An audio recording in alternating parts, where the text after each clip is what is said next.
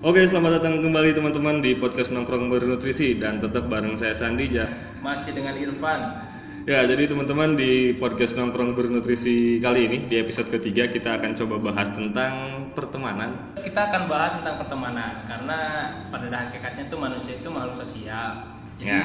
pasti kita akan butuh temen apa pun itu. Ketika kita bicara teman, teman itu kan manusia lah harusnya ya. Heeh. Walaupun bisa masuk ke binatang peliharaan, ke kadang barang kesayangan bisa jadi teman juga. Bisa, cuman itu lebih ke pasif ya. Kalau kita di sini kita pengennya temen yang aktif gitu, yang benar-benar orang dengan orang. Jadi face to face, Ya. ngobrol-ngobrol tuh emang dengan teman. Karena kalau masif kan kayak Subasa ya, Betul. berteman dengan bola. Nah, siapa aja sih yang bakal jadi teman kita? Yang paling gampangnya lingkungan ya. Lingkungan kita ada di mana itu otomatis biasanya akan jadi langsung jadi teman kita. Jadi Ya. banyak nih kayak kalau dulu kan teman sekolah, teman TK, teman batu selembur, tetangga gitu kan. Iya, atau cuma sekedar teman. Nah, temannya teman juga bisa jadi teman kita. Sebenarnya teman seperti apa sih yang kita butuhin? Itu lebih spesifik ya teman seperti apa. Jadi mungkin kalau bahasa marketingnya teman itu ada speknya men. Ya, Jadi- ada ada spesifikasinya tuh untuk punya teman. Nah, ada spesifikasinya. spesifikasinya. Kalau kita mau mungkin ini kalau kita dari kecil juga udah terbentuk. Nah, lebih ada spesifikasi spesifik kayak gitunya.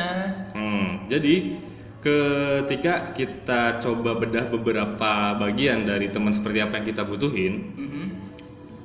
kadang ada temen yang cuma butuh sebagai pengisi waktu luang aja. Ada, ada yang tempat runtah doang istilahnya Iya, ada. tempat buang sampah aja ya, tempat berkeluh kesah, udahlah gitu. Itu temennya cuma ngisi waktu luang doang. Karena dia tipikalnya mungkin pendengar lebih friendly, lebih apa ya namanya? Lebih Padahal suka mendengar. ya bisa jadi juga malah dia gak ngerti apa-apa juga sih Nah, makanya. yang gitu-gitu juga yang penting kita ada tempat untuk mengungkapkan aja. Dia Ya. mendengar. Gitu. Terus yang kedua tuh ada temen ngobrol. Kalau ini lebih satu step lebih tinggi lah ya, karena kita Nah. butuh. Ya, ketika konsepnya temen ngobrol berarti harusnya dua arah gitu. Kalau satu arah ceramah namanya. Monolog kalau soal. iya, itu namanya nasehatin. Kalau searah, kalau ngobrol tuh harusnya dua arah gitu. Tukar tambah lah. Benar-benar. Jadi bertukar pikiran lah ya, bukan berdebat. Berdebat juga dua arah loh. Iya, cuma beda beda arti nih. Oh, Diskusi iya. sama berdebat. Justru kalau yang sekarang terjadi itu awalnya pengen diskusi tapi pengen berdebat. Ya, seolah lupa ya arahnya ke mana. Itu agak dikurang-kurangin lah karena perdebatan itu tidak pas tempat dan waktunya tuh jadi merusak momen. Ya, ini hindari lah Hindari sekiranya. aja. Ya walaupun kita lebih tahu, walaupun kita ngerti juga apa yang dibahas, ketika suasananya malah bikin gak enak, mending hindari saja. Ya. Ketika orang yang gak cukup bijak dengan obrolannya, kita harus bijak kapan kita ngerem. Dan selanjutnya itu adalah teman main.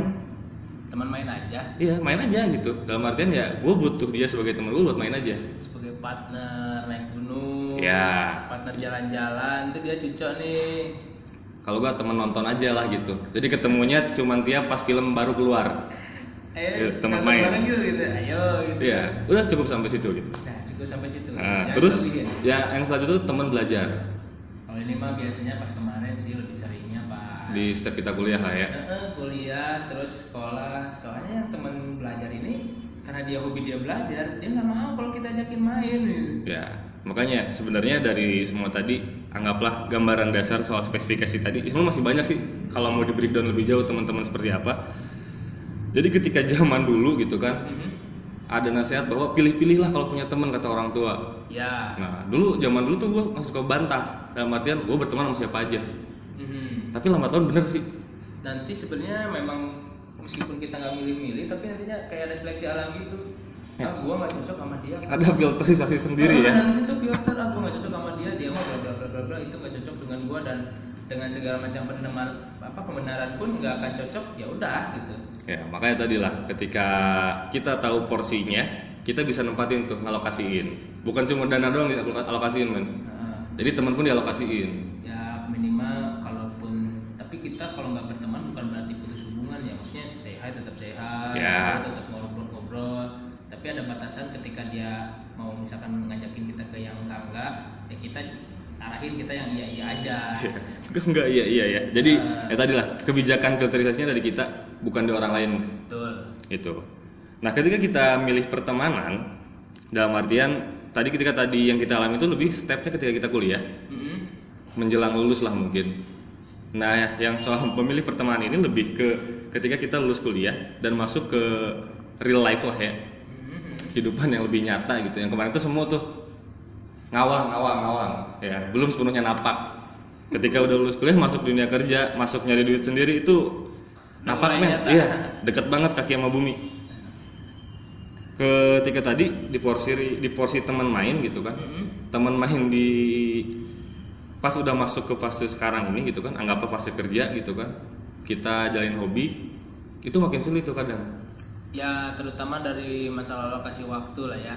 hmm. Karena masing-masing jadi udah punya semacam pattern waktu sendiri. Misalkan ada yang kerjanya weekday reguler jam 8 sampai jam 5 berarti bisa diajakin mainnya weekend atau malamnya. Betul. Malamnya juga jangan sampai malam-malam lah kasihan dia cuma sampai jam 10, jam 11 karena dia juga butuh istirahat untuk besoknya. Tapi ada juga teman-teman kita yang kerjanya ternyata weekend jadi ya weekday-nya sesuai. Nah yang gini-gini mesti di maintain lebih Betul. gimana caranya supaya tetap bisa berteman. Iya. Asal itu adalah teman bisnis. Nah ini sebenarnya ada beberapa case yang sebenarnya udah gue yakin banyak orang ngalamin, Ya. gitu kan? tuh? Banyak orang ngalamin. Ketika ngerasa temen bisa jadi teman bisnis, karena awalnya ngerasa deket banget, Mhm. terusan dalam artian kayaknya cocok nih jadi teman bisnis. Ya. Nah padahal kita belum tahu tuh, ketika masuk ke teman buat bisnis.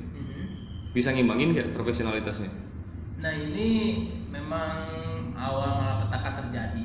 Maksudnya- Sumber ya? Sumber nih. Jadi bukan hanya teman, keluarga juga. Kalau ketika ada bisnis keluarga yang beberapa orang nih, sumber malapetakannya ketika berbisnis dan berbeda tujuan, beda caranya. Hmm. Jadinya hubungan regulernya Terabaikan. gitu gara-gara bisnis. Padahal Yeah. kalau kita bisa saya ini kali eh, apa tuh ngebelah diri. Jadi ketika Irfan ada Irfan sebagai teman, sebagai teman, Ya. ketika Irfan ada teman sebagai bisnis. Jadi Ya. kalau bisnis kita ngomongin bisnis, kalau teman kita ngomongin teman. Ketika bisnis kita terjadi sesuatu kesalahpahaman, oke bisnis yang bubar, pertemanan jangan bubar. Ya, jadi ketika ada kotoran dalam kuku gitu kan, yang dipotong itu kukunya, bukan Tangannya. tangannya gitu. Kan kata baur salah apa saya gitu kan, Iya, benar. harus ikutan dipotong gitu. Ya sama kalau kayak konsep pertemanan gitu. Ketika berteman ada masalah dalam bisnis, yang diselesaikan masalah bisnisnya, jangan silaturahmi pertemanannya. Kalaupun ternyata bisnisnya bangkrut harus dilikuidasi, ya udah bisnis kita tidak temenan kita tuh hanya untuk nongkrong aja gitu. Kita nggak bisa berlanjut ke jenjang yang lebih tinggi. Ya, karena ketika kita kenal sebagai teman main gitu kan, jangan rusak karena kita jadi teman bisnis gitu. Itu soalnya kalau ada bisnis tuh ujung-ujungnya uang dan uang itu sensitif. Ya, betul betul. Yang selanjutnya itu ada teman kerja. Hmm. Kenapa tadi dibedain sama teman bisnis? Teman kerja ini lebih ke teman-teman yang ada di lingkup kerja kita. Ya. Gitu. Ketika kadang kan berarti ketika teman kerja anggaplah mereka yang office hour, mereka yang kerja reguler kantoran, Mhm. berarti ada ketemu orang di jam 8 pagi kurang lebih ya sampai jam 5 sore. Masa iya gak punya teman di situ gitu kan? Pasti ada lah ya rekan kantor ya teman sebelahan lah sebelah meja atau mungkin satu divisi atau mungkin satu atap atau mungkin segedung kalau misalkan di Jakarta bisa jadi teman kantor ya karena memang ketemunya di situ. Ya, itu salah satu spesifikasi dari spesifikasi dari teman kerja. Mhm. Dan yang terakhir adalah teman hidup. Oh yang terakhir teman hidup ini. Hmm. Sebenarnya kalau teman hidup sih bukan saya tidak mau menjelaskan gitu, tapi kayaknya itu mah harus episode yang berbeda. Iya ntar kita kepanjangan kalau bahas teman hidup sekalian di dalam teman ini. Hmm. Ka- Tapi ngomong-ngomong kalian mau nggak sih kalau misalkan kita bahas tentang teman hidup? Ya, ketika kalian emang ada masukan dan lain-lain silakan hubungi kita di Instagram kita podcast nongkrong ber- nongkrong bernutrisi. Begitupun di email Ya. nongkrongbernutrisi at gmail.com Oke. Nah, ke poin selanjutnya bagaimana sih cara kita penerimaan baga- atau bagaimana penerimaan kita terhadap sebuah pertemanan?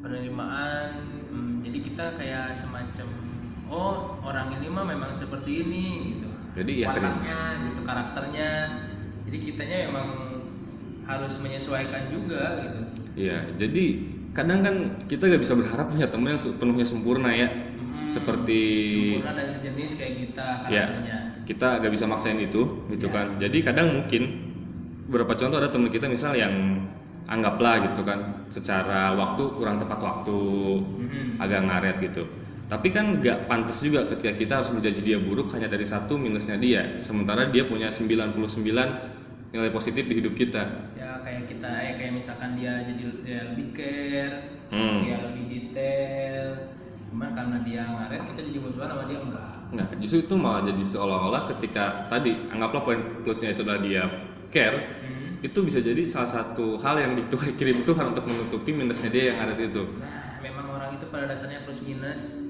Ya, kita tinggal terima minusnya. Ya positifnya ya udahlah ya itu rezeki kita. kayak inilah ya kalau secara ekonomi itu high risk high return Yes. jadi semakin investasi itu akan menguntungkan begitupun resiko untuk kerugiannya juga sesuai Ya, dan ketika kita bicara tadi itu adalah beberapa case ketika kita ngelihat suatu hal dari dalam diri kita. nah, Nah, ke- nah sekarang ketika kita ngelihat dari sudut pandang kita keluar. Jadi gimana sih gitu? Ketika kita ngerespon teman kita.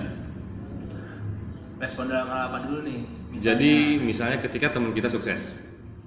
oh jadi kita lebih ke main emosional kalau ini tuh lebih Iya. ke larut dalam emosi dia ketika teman kita selebrasi lah ya yang gampang Ya. kan lulus kuliah kita harus apa jangan iri-irian Sementara kita masih keluar? bimbingan gitu ya. oh, kita masih bimbingan dia udah lulus ya udah rezekinya dia kan berarti. Iya, jangan jadi iri juga sih. Ada rasa terpacu motivasi untuk bisa mencapai posisi dia itu gak masalah menurut gua. ya Tapi ketika rasa iri itu malah menjatuhkan atau merusak kadar pertemanannya janganlah. jangan kecuali cuma bercanda doang Ya tapi karena kalau rasa iri itu sangat wajar menurut gua. Nah masuk ke poin berikutnya adalah ketika contohnya ketika teman kita bahagia. Eh, Dalam artian ketika bahagia ini lebih ke momen yang eh, anggaplah teman kita nikah duluan. eh. Itu kan sebenarnya ya ya gimana ya? Bicara manusiawi ya sisi emosi pasti ada bicara. Dalam artian anjir temen gue udah nikah gue kapan ya? Kenapa dia udah gua belum gitu kan? Ya padahal konteksnya aja jodoh aja yang diatur Tuhan gitu yang ngatur. Sebenarnya mah. Ya tinggal tergantung dengan penerimaan kita aja gitu. Hmm. terus yang selanjutnya adalah ketika teman kita berduka justru. Kontradiktifnya dari yang barusan. Kalau berduka ya semacam mungkin kehilangan. Ya. Karena pada dasarnya kehilangan itu pasti sedih apa pun itu. Apakah Betul. kehilangan barang kehilangan atau mungkin kehilangan orang tersayang ya kita harus ada di situ. Ya mungkin untuk apa ya? Mungkin untuk teman dia berbagi. Kita nggak usah banyak ngomong yang penting kita datang. Ada. udah- eh, ada tuh udah bagus buat dia tuh. Udah Iya. ngerasa Terapresiasi ya? eh, emang orang ini ada di saat senang dan sedih. Itu sebenarnya men. Kalau misalkan kita pengen ukur seberapa banyak teman kita bukan saat kita sukses kan? Ya betul. Tapi pada saat kita terpuruk masih ada nggak rekan-rekan di sekitar kita teman-teman di sekitar kita kalau masih ada itulah berarti yang benar-benar teman Hmm. Nah, selanjutnya itu ke poin di mana gimana sih cara kita ngejalin sebuah pertemanan dalam artinya ketika kita masuk ke lingkungan baru Mm-mm. untuk dapetin teman-teman baru di situ. kayak nge-maintain gitu ya Ya, contohnya kita kan bisa masuk nih, anggap kita mulai hobi baru nih. Ah. Awalnya nggak pernah main badminton, kita masuk ke badminton sendirian tiba-tiba. Agak tricky ya. Maksudnya ada spek-spek tertentu ketika kita datang tuh jangan jangan so tahu jadi kalau disebutin pura-pura bego ya mungkin pura-pura bego dulu. Salah satu solusi ya.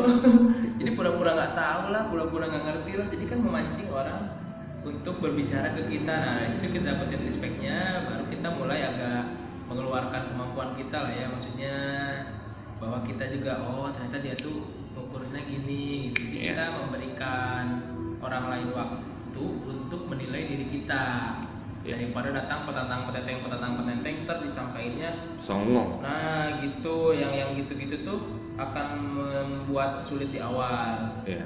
Dan itu bukan hanya sekedar berlaku ketika kita masuk ke dunia hobi, Hmm. bisa jadi ketika kita masuk ke dunia kerja, masuk ke tongkrongan baru gitu. Hmm. Tadi sehebat apa pun kita, selebih tahu apa pun kita, Hmm. Ya berangkatlah dengan etika yang benar gitu Ya. kan. Biar kita diterima dulu. Kita duduk manis aja dulu, dengerin, Iya. senyum-senyum, senyum-senyum. Baru kalau misalkan disuruh ngobrol atau ditanya, Eh, jawab kita lah. mulai. Iya.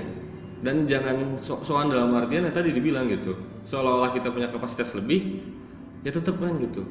Etika dulu yang dibangun. Karena Orang- konsep respect kan kita kasih Ya, dulu. nanti orang jadi nggak respect sama kita tuh bikin sulit. Iya, kita kasih respect dulu, ya biarkanlah respect-respect nanti datang ke kita juga. Benar-benar. Ya. Nah lanjut ke poin selanjutnya adalah bagaimana sih ketika tadi case-case tadi di atas kita, case-case tadi sebelumnya kita bahas, Hah? gimana gitu cara kita ngerespon semuanya itu, tadi kita bahas gitu tentang respect, Ya. tentang kita menghargai. Karena kenapa butuh menghargai? Karena banyak case-case yang bersinggungan dalam artian solusinya menghargai.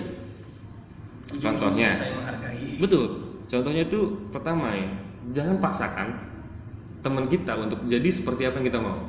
ya karena kita temenan gitu lu bukan bos gua lu bukan orang tua gua dan gua adalah manusia merdeka iya Ya. zaman perbudakan udah lewat bos Iya, jadi kita gak bisa maksa tuh. Kadang emang em- emang nggak, gue gak yakin pasti ada gitu, tapi bisa jadi ada. Kadang temen-temen maksa gitu untuk jadi seperti apa yang dia mau, atau kita yang maksa orang, ih jadi seperti yang gue mau dong, gue pengen lu tuh kayak gini gitu. hmm. Ya padahal kan nggak bisa gitu. Nggak bisa paling kita hanya membukakan pikiran saja bahwa ini menurut saya ini lebih baik Ya. terlepas dilakukan atau tidak dilakukan balikin lagi ke pribadi dia karena ya balik lagi setiap orang adalah pribadi yang merdeka dan dia berhak untuk menentukan pilihannya Iya, nah poin itu nyambung ketika soal saran dan masukannya. Mm-mm. Kadang nih kita lihat teman kita misal gitu kan, sebagai teman yang baik emang harus mengingatkan, harus ya ngingetin doang ingetin doang gitu, Udah. tapi jangan maksa gitu. perkara dilakuin apa enggak itu urusan dia Iya, ketika konsep ngasih saran dan masukan gitu, Hmm. jangan pernah maksa dua sisi pun yang kita ngalamin gitu. ya Ketika kita bertanya, minta masukan gitu kan, anggaplah gue nanya lu gitu, Van, men minta saran dong, Mhm. buat gue minggu depan gue mau naik gunung nih. Apa pun yang saran yang keluar dari mulut Irfan gitu, ya gue harus terima, ya udah terima aja karena gue minta gitu kan. ya Nah, atau sebaliknya gitu. Ketika Irfan tiba lagi mau naik gunung tanpa minta saran gua, gua tiba-tiba, "Men, lu harus naik gunung harus kayak gini gini gini gini gini." Ya, ya orang tuh belum tuh butuh kok. benar benar kalau nyaranin ya Saranin ya, aja ini- gitu. ini tuh kayak ini gue pernah ngobrol ini deh sebelumnya ini apa Eh, orang bebas mau ngomong apa tapi kita berhak juga untuk melaksanakan eh melakukan atau enggaknya itu filternya di kita jadi orang mau ngomong apa juga ya udah Gak usah dipaksain. ya jadi filter tetap di diri sendiri asal kita reasoningnya kuat kenapa gua harus melakukan itu dan kenapa gua tidak harus melakukan itu karena nantinya tanggung jawab itu masing-masing Betul. ya Betul. Nah, kenapa tadi gue sempet singgung itu? Karena kadang ada dalih peduli peduli tapi pedulinya berlebihan ya, dan dikemas dengan cara yang kurang tepat menurut gue tadi. nah peduli ya kita juga harus lihat kondisi gitu dan di poin selanjutnya adalah kadang ini biasa terjadi nih Mhm. kalau lagi nongkrong terus teman kita anggap nongkrong sampai malam nih Mhm. teman kita paginya harus kerja ya dan dia pamit dulu untuk pulang gitu Mhm. kadang ngejangin tuh, "Wih gak asik lu, jam segini udah balik, cupu." Asik banget baru jam 9, jam 10 ya kan malam masih panjang Ya, padahal kita nggak pernah tahu gitu bahwa mungkin ada hal yang harus dia kerjain. dia lupa belum nyalain lampu rumah Ya, bisa jadi kita nggak pernah tahu kepentingan dia seperti apa gitu. bener-bener tadi kunci respect itu untuk menjaga itu gitu kan jadi ya Ah. jangan sampai kita maksa orang untuk ada di samping kita di sisi yang sama dia mengorbankan hal yang sebenarnya penting buat dia ya toh sebenarnya mungkin dia juga bete yang dia udah ngantuk. Nggak nyaman. dia dia nggak nyaman karena dia udah ngantuk pengen pulang atau di rumah dia mau nyetrika atau mungkin mau doing something else ya eh ya udahlah gitu. Lu pamit oke lah makasih Ya. banyak lah ya udah datang udah join. Kitanya juga yang harus bisa lebih ngerti gitu kan. Mm-mm. anggaplah ketika kita lagi di waktu yang santai waktu yang free bukan berarti teman-teman kita Free atau rekan-rekan kita lagi free juga gitu. Kita harus lebih mengerti itu udah makasih ya hati-hati di jalan salam buat orang rumah gitu kan itu enak gitu oh plong jadi next time nanti oh kayaknya gue enak nongkrong sama dia nih kalau gue mau balik duluan tuh nggak nggak dicengin nggak dikata-katain gitu Hmm. dan di poin selanjutnya itu cobalah untuk saling menyemangati dan Mhm. saling support Mhm. untuk sukses di Ya. jalan masing-masing ya jadi success in other ways Iya, jadi jangan paksain temen kita untuk ikut jalan kita. Sesukses apa pun kita ya. Ini tuh nyambung agak-agak nyambung ke episode kemarin kan ya Ya, yang bahagiaku, bahagiamu. bahagia kita berbeda Ya, Nah yang itu tuh agak sedikit nyambung kalau nanti ini akan ada sesi lanjutnya tentang tujuan dan Hmm. proses mencapai tujuan tapi nantilah Ya. tunggu aja. Jadi kita ngasih saran aja dan sukses itu kan beda-beda. ya, Jadi ya udah kalau misalkan karakteristik sukses menurut dia adalah ini, menurut kita sebuah ini, ya udah ya kita hanya bisa mendoakan, ya. kita bisa mendukung sesuai dengan kemampuan kita. Kalau kita bisa dukung punya se apa dukung dari segi materi ya kita dukung segi materi kita dukung dari segi tenaga ya kita bantuin dia atau kita hanya bisa dukung doa ya doain aja ya gitu. doain aja gitu Ya, pada intinya itu tadi gitu kadang dalam berteman itu kan nggak butuh dipertanyakan? Ya sebenarnya ujung-ujungnya yang tadi seleksi alam yang akan bertahan lama itu yang ini. Yang ketika dia butuh kita ada. Nah, apa pun itu bentuknya ya. Kayak misalkan ada butuh teman ngobrol. Ngobrol.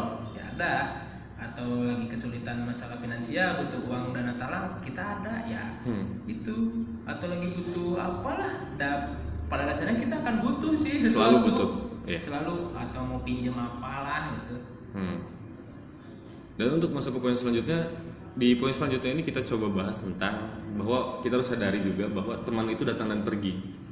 Heeh. Jadi ya kita bicara flashback ketika kita lulus SD, kita masuk SMP, kita kehilangan teman-teman SD, kita teman-teman baru, dan SMP itu terus berlanjut gitu. Selalu ada yang datang dan pergi sebenarnya. apalagi pas kuliah Justru itu pas kuliah adalah fase sebenarnya lebih dalam dibandingin fase-fase sebelumnya. Karena beriringan dengan usia kita yang beranjak untuk berpikir jauh lebih cerdas sebenarnya, Mhm. untuk mengambil resiko jauh lebih berani. Mhm. Jadi fase itu sebenarnya akan lebih berasa gitu. Ya. Pertemanan ketika kita lulus SMA masuk kuliah, terus lulus kuliah masuk ke fase kerja. Di situ sebenarnya baru mulai berasa ketika ya teman datang pergi itu ya seperti itu gitu. Kita udah mulai merasakan kesengsaraan bersama gitu Ya, karena ada duka bersama yang dialami. Karena mungkin ketika pas kuliah itu karena mungkin kadang udah gak deket sama orang tua ya, berapa kali merantau gitu kan. Gitu. Jadi emosinya lebih dalam.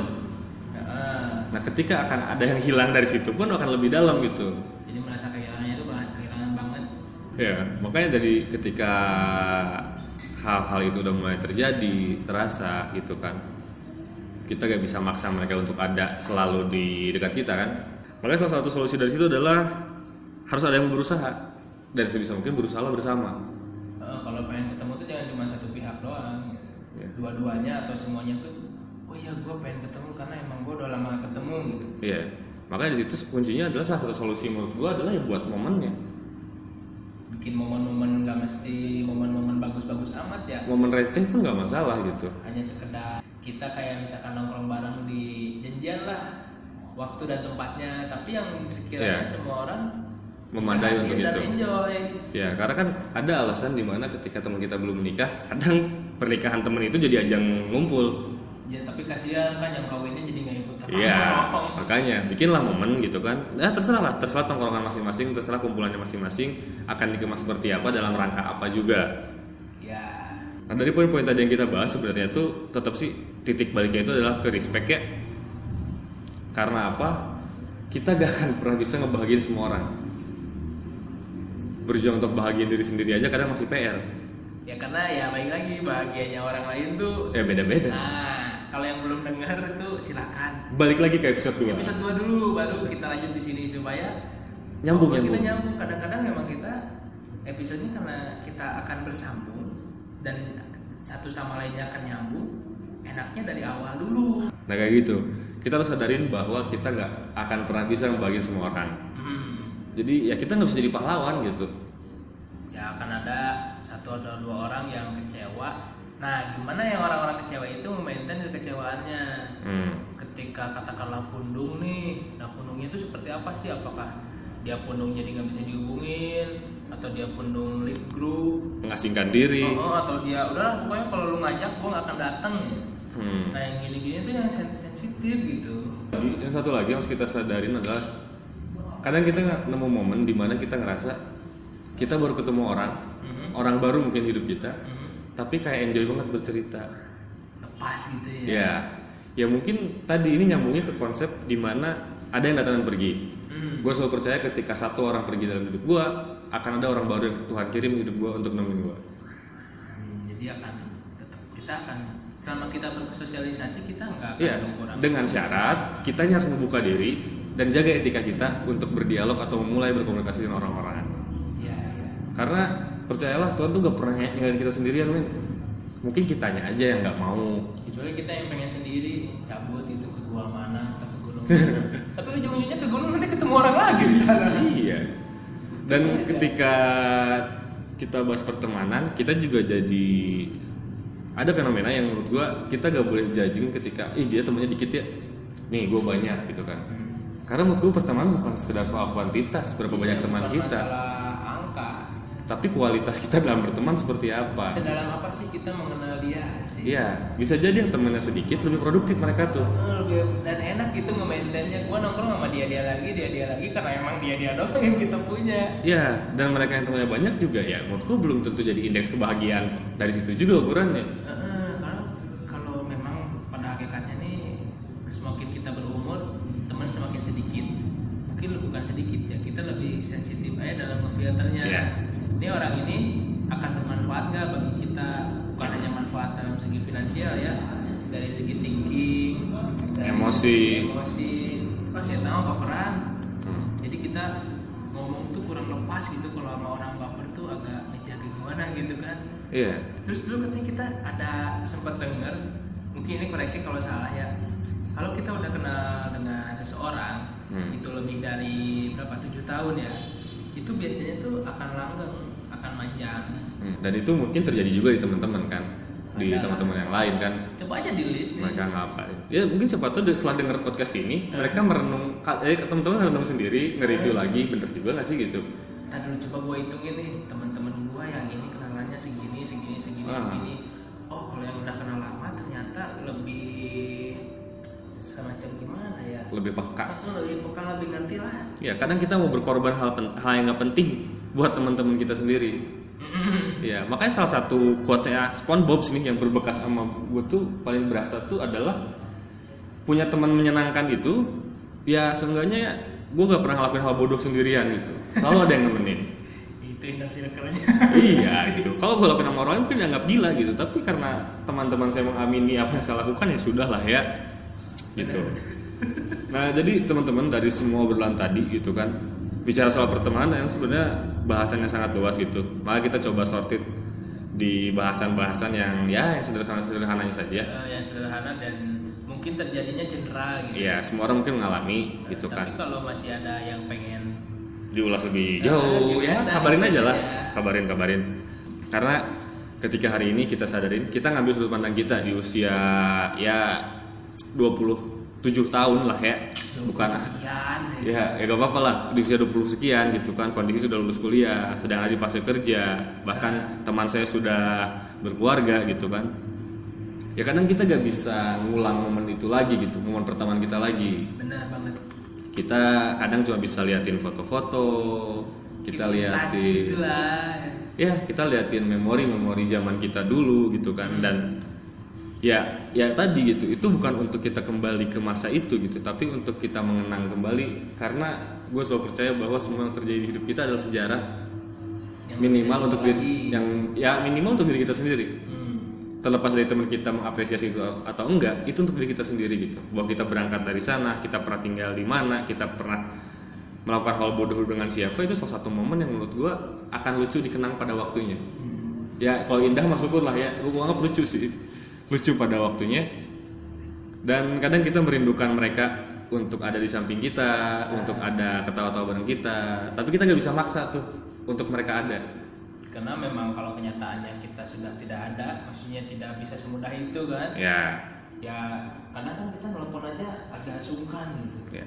Sebelum nelfon kan mungkin kita ngechat dulu sob apa kabar nih? Ada waktu nggak? Gua pengen nelfon atau apa? Kan ada bahasa seperti itu dulu dan itu menurut kita fine fine aja lah ya Iya. Dan kalau bisa kita kelola gengsi kita, rasa takut kita. Anggaplah ketika teman kita sudah berkeluarga, kita udah pengen ketemu, tapi nggak dikomunikasikan, Ya. ya nggak akan pernah bisa ketemu gitu. jadi mendem gitu Iya, kan tanya aja dulu gitu, bro, kan santai kapan? Nah. Kan gak ngajak nongkrong tiap malam juga gitu Benar. kan? seminggu sekali dua minggu sekali Iya, mungkin sebulan sekali pun Eh, yang penting dalam artian ketika kita harus sadari dulu bahwa waktu makin beranjak itu teman kita tadi makin terseleksi alamnya bahkan mungkin kita makin kesepian. Kita sendiri yang akan memfilter ah Iya. dia mah gibah doang? Kurang. Iya. coret gitu kan nah kita yang harus berusaha untuk eh, menjaga itu Mhm. untuk mengakali itu. Gengsi kita kita atur. Dalam artian gengsi ini gue bicara kita jangan ngerasa bahwa ah teman kita nih pasti bakal ngira kita ganggu gitu kan Ya, jangan. eh, kalau emang dikira ganggu ya udah gitu. Berarti ganggu. kayak gitu. Iya, komunikasikan. sob kapan ada waktu nyantai? Gue pengen ngobrol ini. Oh Ah. iya kan ntar aja lah ya. Gue ada meeting dulu nanti malaman atau besok deh jam sekian gue telepon. Iya, karena gak lucu ketika bilang, wah temen gue udah sibuk gitu. Padahal kita nggak pernah tahu kesibukan dia apa. nanya juga kagak sosok ngejudge. Gitu Iya. "Ah, dia mah sibuk apaan iya, komunikasikan dulu kapan santainya. Manusia tuh punya waktu yang sama 24 jam sehari dan 7 hari dalam seminggu gitu kan. tinggal gimana dia mengat- mengaturnya Iya, kan gak mungkin kesibukan manusia sama dengan kesibukan minimarket yang 7 kali 24 jam. Makanya tanya gitu. mereka pun ganti shift gitu ya 24 jam. Iya, di mana ada celah buat ketemu. Jadi cobalah komunikasikan. Dan ketika kita merindukan, berusahalah Hmm. berusahalah gitu.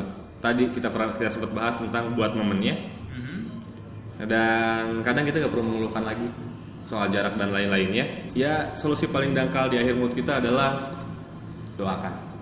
ujungnya sih doakan semoga baik-baik saja Sehat selalu. sehat selalu karirnya sukses Ya, ya, tujuan-tujuan keinginan hidup tercapai gitu ya kan bahagia dan keluarganya. Mm-mm. Syukurnya gak lupa sama teman-temannya. Nah, Ya, karena pertemanan ini jadi salah satu topik yang memang gue request pribadi dan ya buat semua teman-teman gue, teman-temannya Irfan, teman-teman kita semua, temannya, teman-teman, teman-temannya. Ya buat teman-teman semua, buat ya. kalian semua yang punya teman juga gitu kan, saling doain semoga kita sukses bareng-bareng di jalan kita masing-masing dan salam buat semua teman kita. jangan lupa salam nutrisi